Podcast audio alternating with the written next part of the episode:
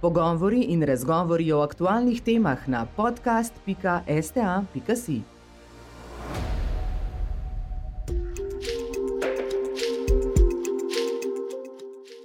Bolezen opičjih kos, sicer endemična v afriških državah, se je od sredine maja začela pojavljati tudi drugot po svetu. Doslej so potrdili 16 tisoč primerov okužb v 75 državah, tudi v Sloveniji. Pri nas so doslej zabeležili 27 primerov.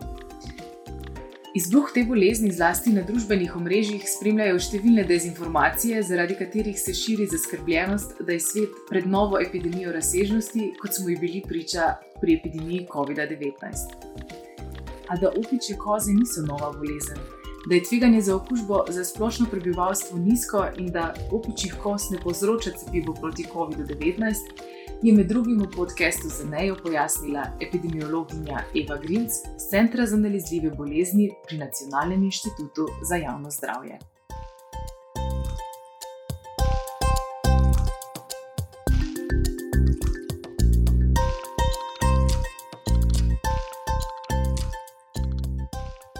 Sredi maja prvič pojavile informacije o bolezni opičjih kost zunaj držav, v katerih ta bolezen ni endemična, uh, je splošna javnost, oziroma večina ljudi najbrž prvič slišala za to bolezen, ampak to ne drži. Ne? To bolezen poznamo že kar nekaj časa. Uh, kdaj so jo znanstveniki prvič zaznali in kje?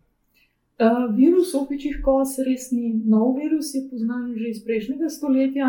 Pri človeku so ga prvič potrdili leta 1970, pri opicah pa že bistveno prej, torej že pred 60 letom. Uh, virus povzroča zoonozo, ki pa res, kot ste omenili, endemična v, deževnih, v predeljih deževnih gozdov v centralno in zahodnoafriških Eh, državah, in nekako večinoma se je ta bolezen, zoonoza, torej zadrževala v teh območjih. Ni pa nov pojav, da se pojavlja tudi v zahodnem svetu, ker leta 2003 se je zgodilo, da so v Ameriki uvozili nekaj eh, opic, pa glodalcev kot domače živali, in so se nekaj ljudi takrat tudi v Ameriki okužilo z virusom opičjih kost.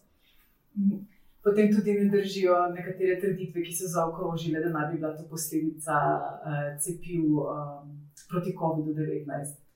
Uh, mislim, cepljenje proti COVID-19 ima nekaj stranskih učinkov, to vsi vemo. Najpogosteje so to blagi stranski učinki, ki jih pričakujemo, ponovadi so to lokalnega značaja, na mestu cepljenja, lahko je tudi kakšno prehodno slabše počutje, temperatura. Uh, Vsekakor gre pa tukaj za mrtvo cepivo proti okužbi s koronavirusom, medtem ko je virus opičjih kost popolnoma drugačen. Virus, gre za večji virus, eh, je spada med uh, rod ortopoks virusov, je DNA virus, medtem ko je virus, ki povzroča koronavirus je RNA virus, torej gre za dve, dva popolnoma različna virusa in vsekakor ni nobene, prav nobene povezave z cepljenjem proti COVID-19. Je pa res, da je časovno nekako vse upadlo, ko je ta pandemija COVID-19 trenutno pri nas v.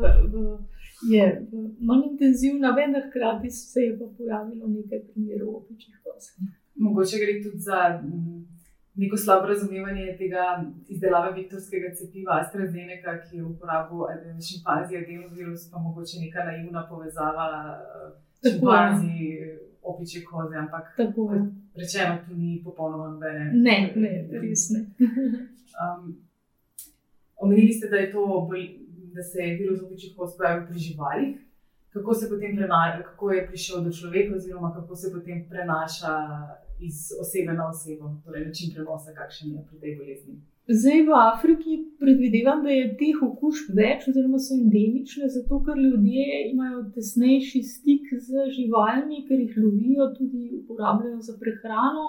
Se pravi, tukaj gre za stik z malimi glodalci, z opicami. Ta tesen stik, seveda, povzroči, da pride do okužbe pri ljudeh, in seveda tudi med ljudmi se lahko prenaša s tesnimi stiki. Eh, stiki z obolelim človekom, ki ima izpuščaj, stiki z njegovimi oblačili, lahko tudi površinami, kjer se je ta človek, ki se jih dotika, oziroma se, jih, se je pač tam eh, zadrževal. Zdaj, v Evropi, zelo v zahodnem svetu, se virus prenaša v glavnem s tesnimi stiki za obolelimi. Težko bi rekli, da je to spolno prenosljiva bolezen, to še raziskujejo, ampak predvsem poudarjajo ta tesen, tesen stik z obolelim, z njegovimi oblačili in tako naprej. Mm, torej, veriga prenosov se prekine kako? Z osnovnimi higijenskimi ukrepi, se pravi, če oboleli, če ima izpuščaj, se čim bolj izolira. Eh, skrbi za osebno higieno, umivanje rok po domače, tudi zračenje prostorov, ker v začetku bolezni se lahko eventualno na krajše razdalje prenaša tudi preko zraka, ampak predvsem ti osnovni, osnovni ukrepi. Ne gre pa za tako. Um...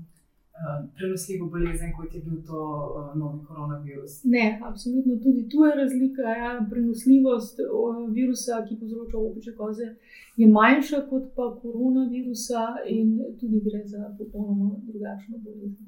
Ker tudi, recimo, um, predstavniki NIEZ-a v prvih izjavah um, o opičjih kozah niso bili zelo zaskrbljeni, so, so mirili uh, prebivalstvo, da ne gre za tako visoko tveganje to v bistvu tudi ni karantenska bolezen, če se uporablja pravi izraz.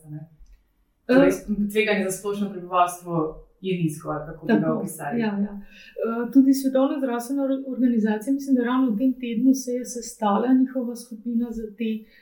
Urgentne epidemiološke pojave, in so ocenili tveganje v zvezi s pojavom opičjih koz, in so ocenili, WHO je torej ocenil, da na globalni ravni je tveganje za Eh, širjenje opičjih koz pravzaprav zmerno in trenutno WHO ne kaže zaskrbljenosti, tudi zaenkrat niso omenjali, da bi lahko prišlo do pandemije, vendar seveda si epidemiološko situacijo opičjih koz budno spremljajo.